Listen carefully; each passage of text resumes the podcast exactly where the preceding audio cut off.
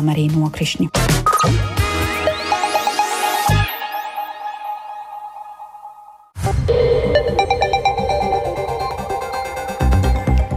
12,5 minūtes, trešdiena, 26. aprīlis un skan raidījums pusdiena, plašāk skaidrojot šodien būtiskus notikumus. Studijā Dāca Pēkšēna, esiet sveicināti!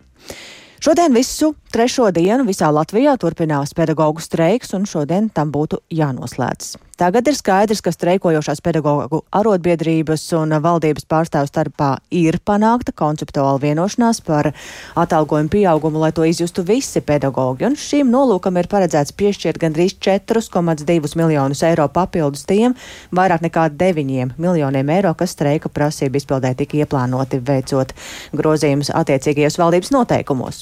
Un eh, visas šīs dienas notikumiem ap izglītības darbinieku streiku seko līdzi arī kolēģi Zāne Ēniņa un arī šo šobrīd viņa studijā. Labdien, Zane! Un šī konceptuālā vienošanās, ko tā nozīmē? Tas nozīmē, ka rīt visās mācību iestādēs mācības turpinās, vai ir iespējami vēl kādi pavērsieni?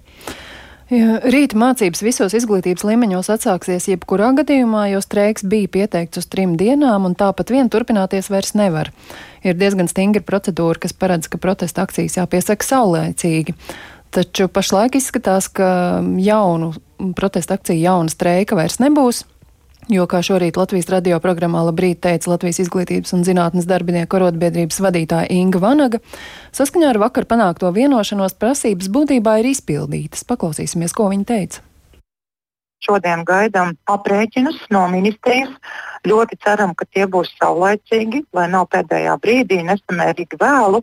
Un mēs brīdinājām, ja gadījumā nu, būs vēlu tie atkal aprēķini, tad jāsaka, mēs prasīsim ministra kabineta sēdi tomēr sasaukt vēlāk, ja, jo mums ir jāgūst pārliecība, ka viss ir korekti. Šopēcpusdien tātad notiks valdības ārkārtas sēde, kurā lems par streika prasību izpildi un attiecīgi finansējumu piešķiršanu. Ja vakar panāktajā vienošanās nekādu izmaiņu nebūs, tad, kā teica Inga Vanaga, slodzes balansēšana tiks uzsākta visiem pedagogiem, kā to prasīja arotbiedrība. Atbalsta personālam būs panāktas izmaiņas slodzē aprēķinos iekļaujot 22% no dotācijas kopā ar atalgojumu palielinājumu izglītības iestāžu administrācijai. Būs pārskatītas skolēnu vidējās izmaksas, un arī augstskolu pedagoģu atalgojumam būs papildus nauda, nevis to pārdalīs no tā, kas paredzēts pašlaik citām vajadzībām. Taču premjerministrs Krišjāns Kariņš šorīt eh, Latvijas televīzijas programmā Rīta panorāma izteica bažas par to, vai ieplānotais finansējums tik tiešām sasniegs visus pedagogus, jo ar dotācijas pārdalu pēc tam nodarbojas pašvaldības. Paklausīsimies. Tā nauda aizies vispirms uz pašvaldībām tad pašvaldības pēc saviem prātiem sadalīs to pa skolām, un tad vēl skolas iekšienā direktori, ko arotbiedrība arī atzīst, ka ir pašvaldības, kur ir, teiksim, lielā skola un divas mazākas skolas, kur viņi šo saucamo dotāciju, kas ir būtu pēc matemātikas, ja nonāk lielai skolai, nu, tur ir lielākas slodzes un tā tālāk, viņi daļu to naudu novirs tomēr, lai politiski uzturētu mazo skolu.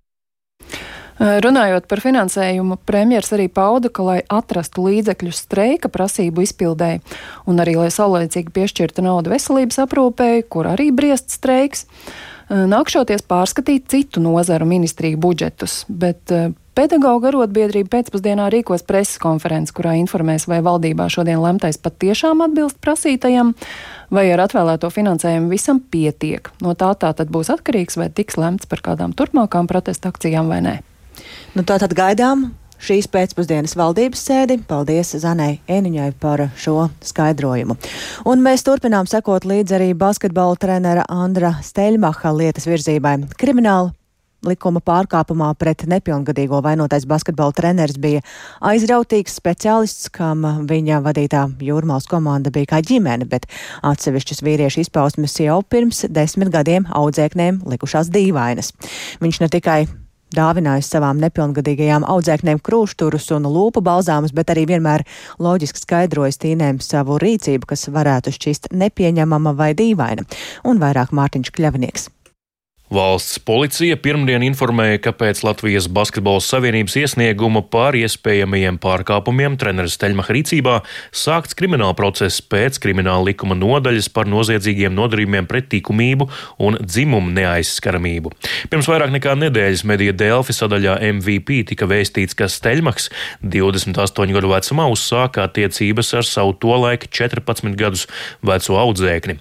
Attiecības esot turpinājušās līdz meitenes pilngadībai, kad abi apprecējušies. Steļmaha uzmākšanos cietušajai meitenei spilgti atceras cita viņa tā laika audzēkne. Viņa to redzēja, esot uz prāmja atceļā no turnīra Stokholmā. Ierakstā meitenes balss ir mainīta. Kaut ko mēs tur vienkārši sēdējām, un pēkšņi es vienkārši redzu tajā stūrī, tur sanāk tāds kā stūris pie tām trepēm bija, ka tur ir mūsu treneris un tā meitene. Treneris, nu, Andris vienkārši viņai kaut ko tur uzvācās un izskatījās, ka viņi tā kā skūpstās, un tā arī bija. Un mēs vienkārši sēdējām un uz to noskatījāmies. Kāpēc mēs neko nedarījām, es nezinu. Tad tur tie teksti par to, ka tā, tā pasaulē var notikt, ka divi cilvēki iemīlās. Kaut kas uz to pusi bija, un viņš mums tā kā paskaidroja to situāciju. Man bija tāds, nu, labi, viņš paskaidroja, un tad varbūt viss ir kārtībā. Es nezinu, kā viņam no šejienes izsprūst, bet ir pārāk daudz liecinieki tam, ka viņš ir rīkojies to, ka viņa ir bijusi nepilngadīga un viņš viņai ir uzmācies. Visu interviju ar Andru Steļma audzēkni varat noklausīties raidierakstu vietnēs, meklējot raidījumu piespēle. Tikmēr Latvijas radio kāds bijušais Latvijas basketbols savienības darbinieks atklāja, ka to laiku organizācija policijā zināja par Steļmaha attiecībām ar nepilngadīgo audzēkni, to mēģināja novērst ar dažādām pārunām, bet valsts policijā neviens nevērsās. Tā laika Savienības ģenerālsekretārs Edgars Šneps šo informāciju Latvijas radio nekomentēja. Plašāk klausieties jau šodien programmā pēcpusdiena, kur izteikties solīs arī pats apsūdzētais Steļmachs Mārtiņš Kļavinieks Latvijas radio. Tas tā tad raidījumā pēcpusdienā plašāk, bet mūsu nākamais stāsts par to, ka dažāda veida kiberuzbrukumu skaits Latvijā pērni ir pieaudzis par 40%.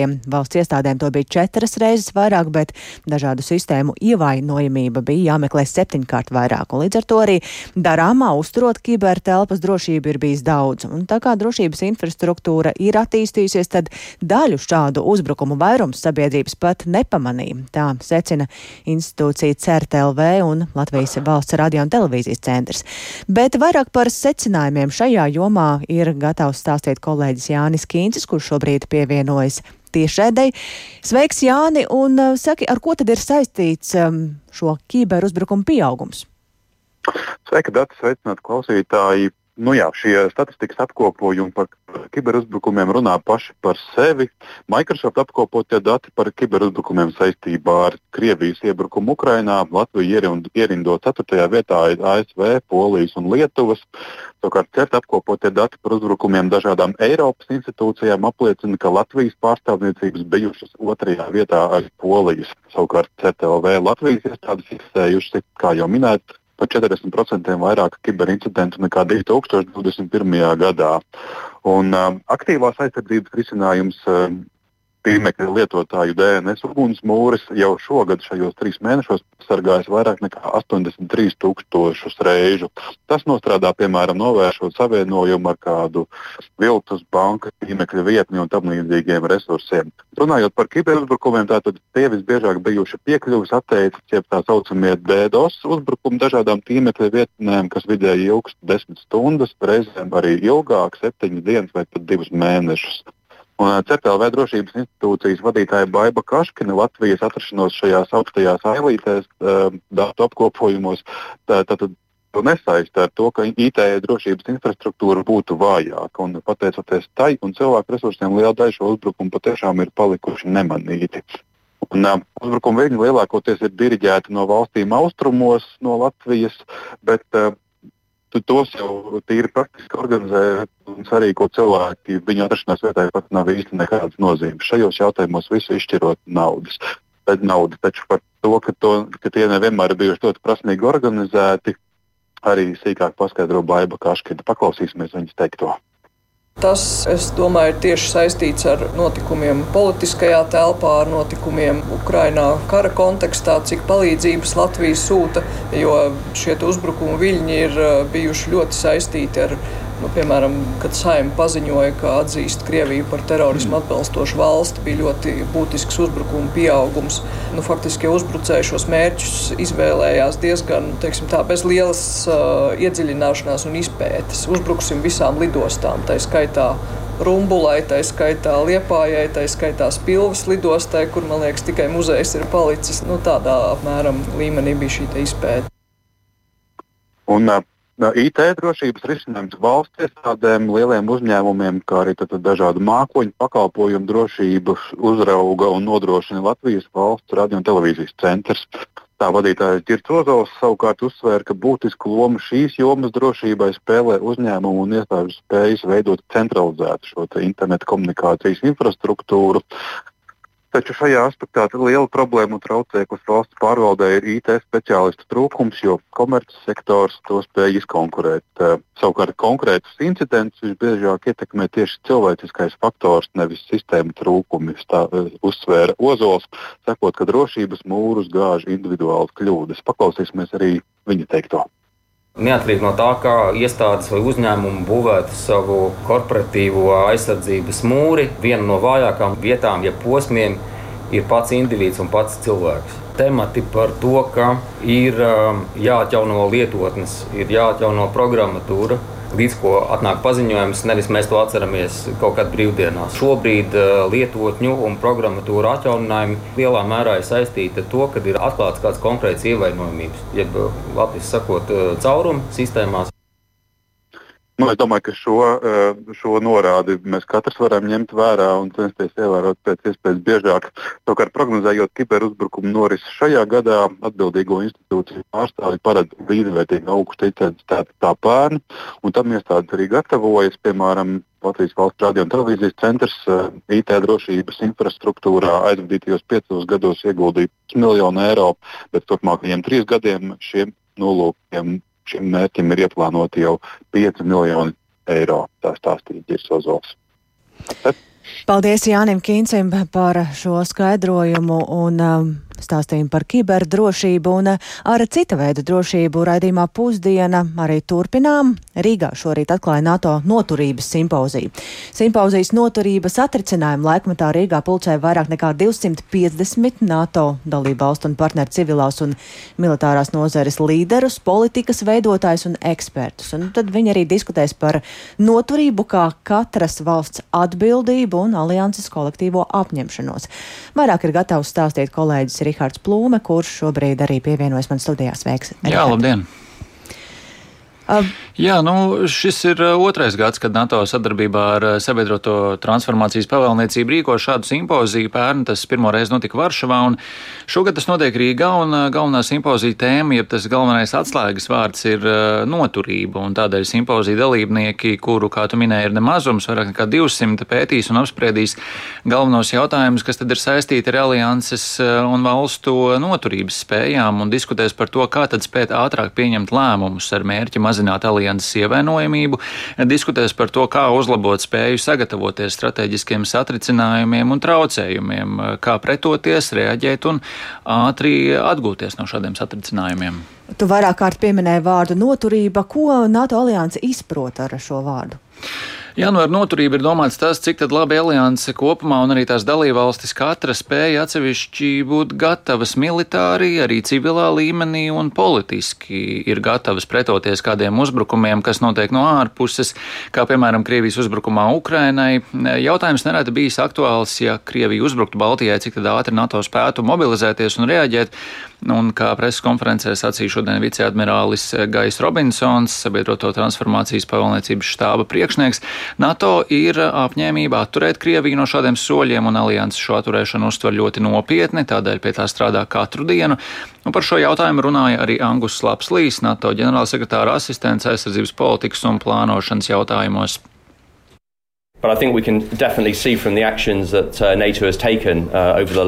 Es domāju, ka NATO darbības pēdējā gada laikā, kopš Krievija sākusi karu Ukrainā, būtiski palielinot alianses gatavību un aizsardzību, norāda uz to, ka solidaritāte un vienotība aliansē ir spēcīgāka kā jebkad agrāk, un Baltijas valstis var būt drošas par NATO gatavību un apņēmību būt noturīgai pret jebkādiem draudiem no Krievijas.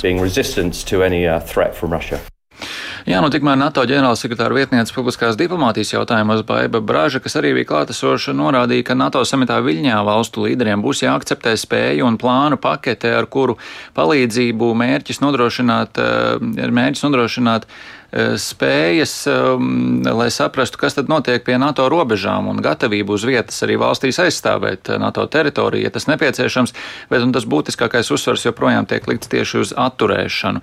Un runājot par ārējiem draudiem, eh, kas nav tieši militārs uzbrukums, bet arī alianses dalībvalstu kritiskās infrastruktūras drošība ir ievainojama, un to mēs labi novērojām pērn, kad notika Nord Stream cauruļvada sabotāža, kur vainīgais joprojām nav noskaidrots, un jādomā arī par riskiem, tātad, kas nav tikai tieši militārs uzbrukums, proti ir tad sarežģīti, bet reizē būtiski aizsargāt arī šo kritisko infrastruktūru, kas to starp atrodas ne tikai uz sauszemes, kā piemēram gāzes krātuves, bet arī zem ūdens, cauruļvadi, kabeļi, vēja parki. Kā skaidroja viceadmirālis Gais Robinsons, NATO pie šī jautājuma nopietni strādā un dara to kopā ar Eiropas Savienību, bet primāri šīs infrastruktūras drošība ir dalībvalstu pārziņā. What we can do as an alliance is make sure that we're sharing information, that we're sharing intelligence. Tas, ko varam darīt kā alianse, ir dalīties ar informāciju un izlūkošanas informāciju, kas strādājam kopā un strādājam ar privāto sektoru, lai apjaustu riskus un draudus, kādi potenciāli pastāv un radītu mehānismus, lai tos mazinātu. Tas ir komandas sports. Esam uz to koncentrējušies un domāju, ka tuvāko mēnešu laikā dzirdēsiet par to vairāk more about it over the next few months.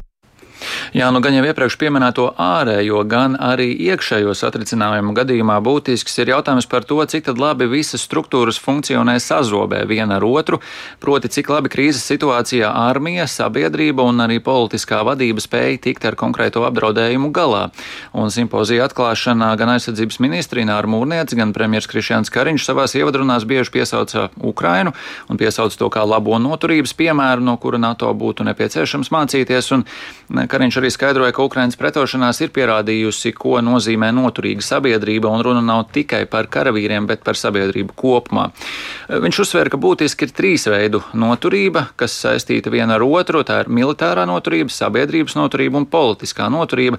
Un militārajā sadaļā svarīga ir aizsardzības spēju stiprināšana, bet sazobē ar sabiedrību ir svarīga arī pastāvīgu mācību rīkošana, kurā tiek izspēlēti dažādi scenāriji, dažādiem apdraudējumiem un krīzēm.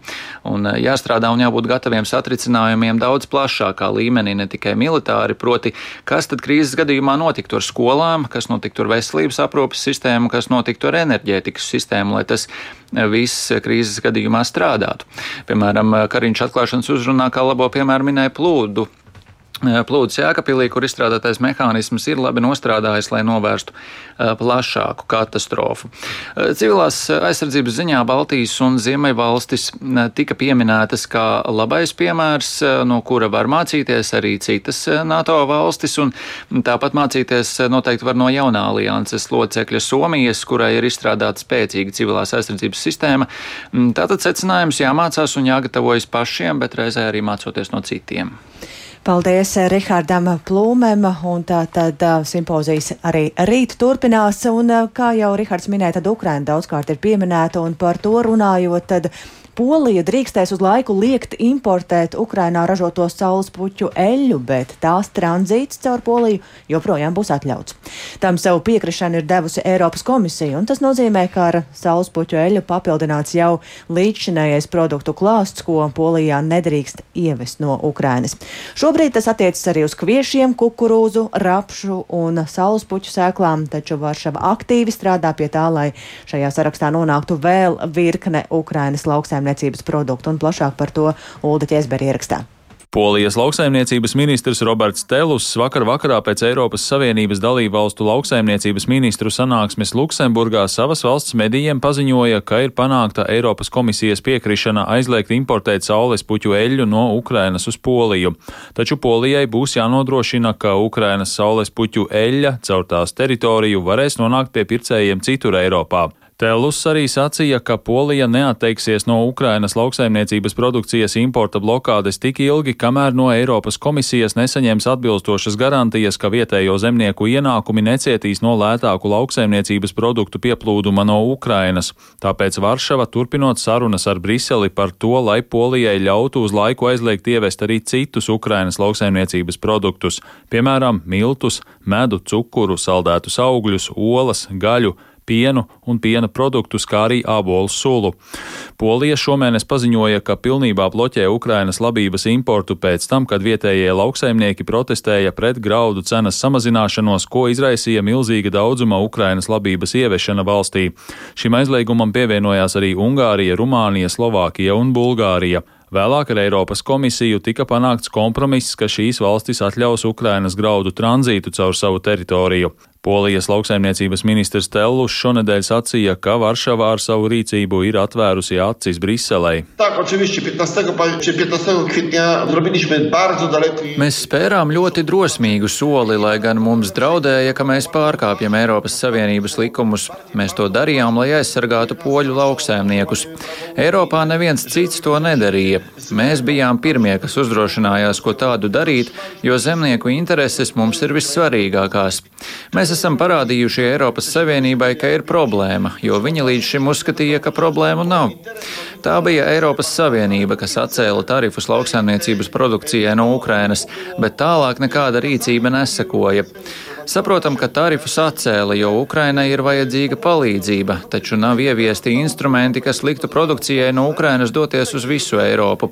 Pateicoties mūsu rīcībai, Eiropas Savienība šodien ar mums runā. Eiropas komisija turpina sarunas ar Poliju, Ungāriju, Slovākiju, Rumāniju un Bulgāriju, lai nogludinātu domstarpības, kas apdraud Eiropas Savienības vienotību laikā, kad Ukrainā norisinās karš bet Brisele ir atteikusies no šo valstu prasības izveidot 100 miljonu eiro vērtu fondu atbalsta sniegšanai vietējiem lauksaimniekiem. Uldis Česberis, Latvijas radio.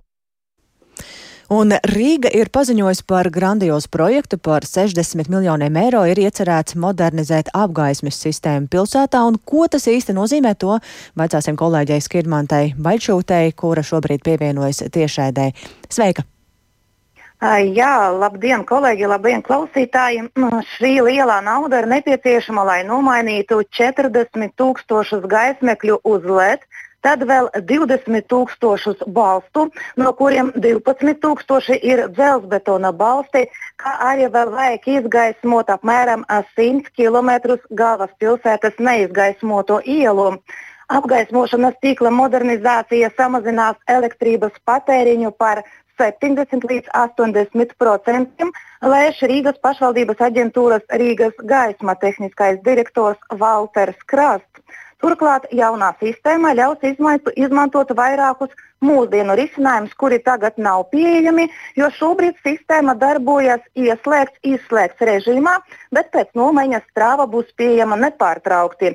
Varēšot pat mazgabarīta auto uzlādēt, skaidro Rīgas gaisma pārstāvis Valters Krasts. Liela problēma pilsētā šobrīd dažādiem risinājumiem, kā piemēram elektrouzlādei vai video novērošanai, ir tas, ka nav pieejama vispār elektrība.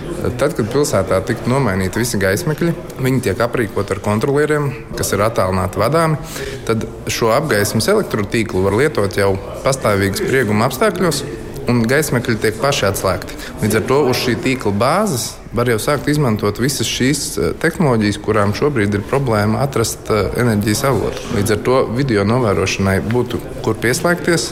Tikai viņiem būtu jārisina datu pārraides jautājumi, pat mazjaudas elektroenerģiju lietot jau pie apgaismas balstiem. Ja šai iecerēji šodien būs Rīgas domes atbalsts, tad šogad šāks, sāks gatavot dokumentāciju publiskai privātai partnerībai. Domes vadība skaidro, ka tā būšot vieglāk saņemt kredītu ieceres īstenošanai. Turklāt privātais partneris vēl 15 gadus būs atbildīgs par jaunās apgaismošanas sistēmas uzturēšanu. Tiek cerēts, ka pirmo apgaismošanas balstu varētu Rīgā nomainīt nākamā gada beigās. Tātad atbalsts vēl šodien ir jāsaņem Rīgas domē, un tad tas notiks. Jā, šodien par to būs Rīgas domes balsojums tieši par uh, publiskās privātās partnerības jautājumu, jo šādu, uh, šādu finansēšanas modeli Rīgas domes saprotu, kā pirmo reizi ievieš tādam projektam. Jā, paldies kolēģei Skiržmantai Baļķūtei. Tātad par šo grandiozo projektu tikko Rīgas domē informēja un klāt bija arī mūsu kolēģe. Un ar šo stāstu tad arī izskan redzījums pūsdiena. Tā producente ir Ilza Agīnta. Ierakstus montēja Renārs Steimanis par labskaņu rūpējās Regīna Bieziņa un ar jums sarunājās Dāci Pēkšēna. Vēl īsi par būtiskāko valdība ir piekāpusies streikojošo izglītības darbinieku prasībām par algām un slodžu sadalījumu, un Latvijā kiberuzbrukumu skaits ir pieaudzis par 40%. Yeah.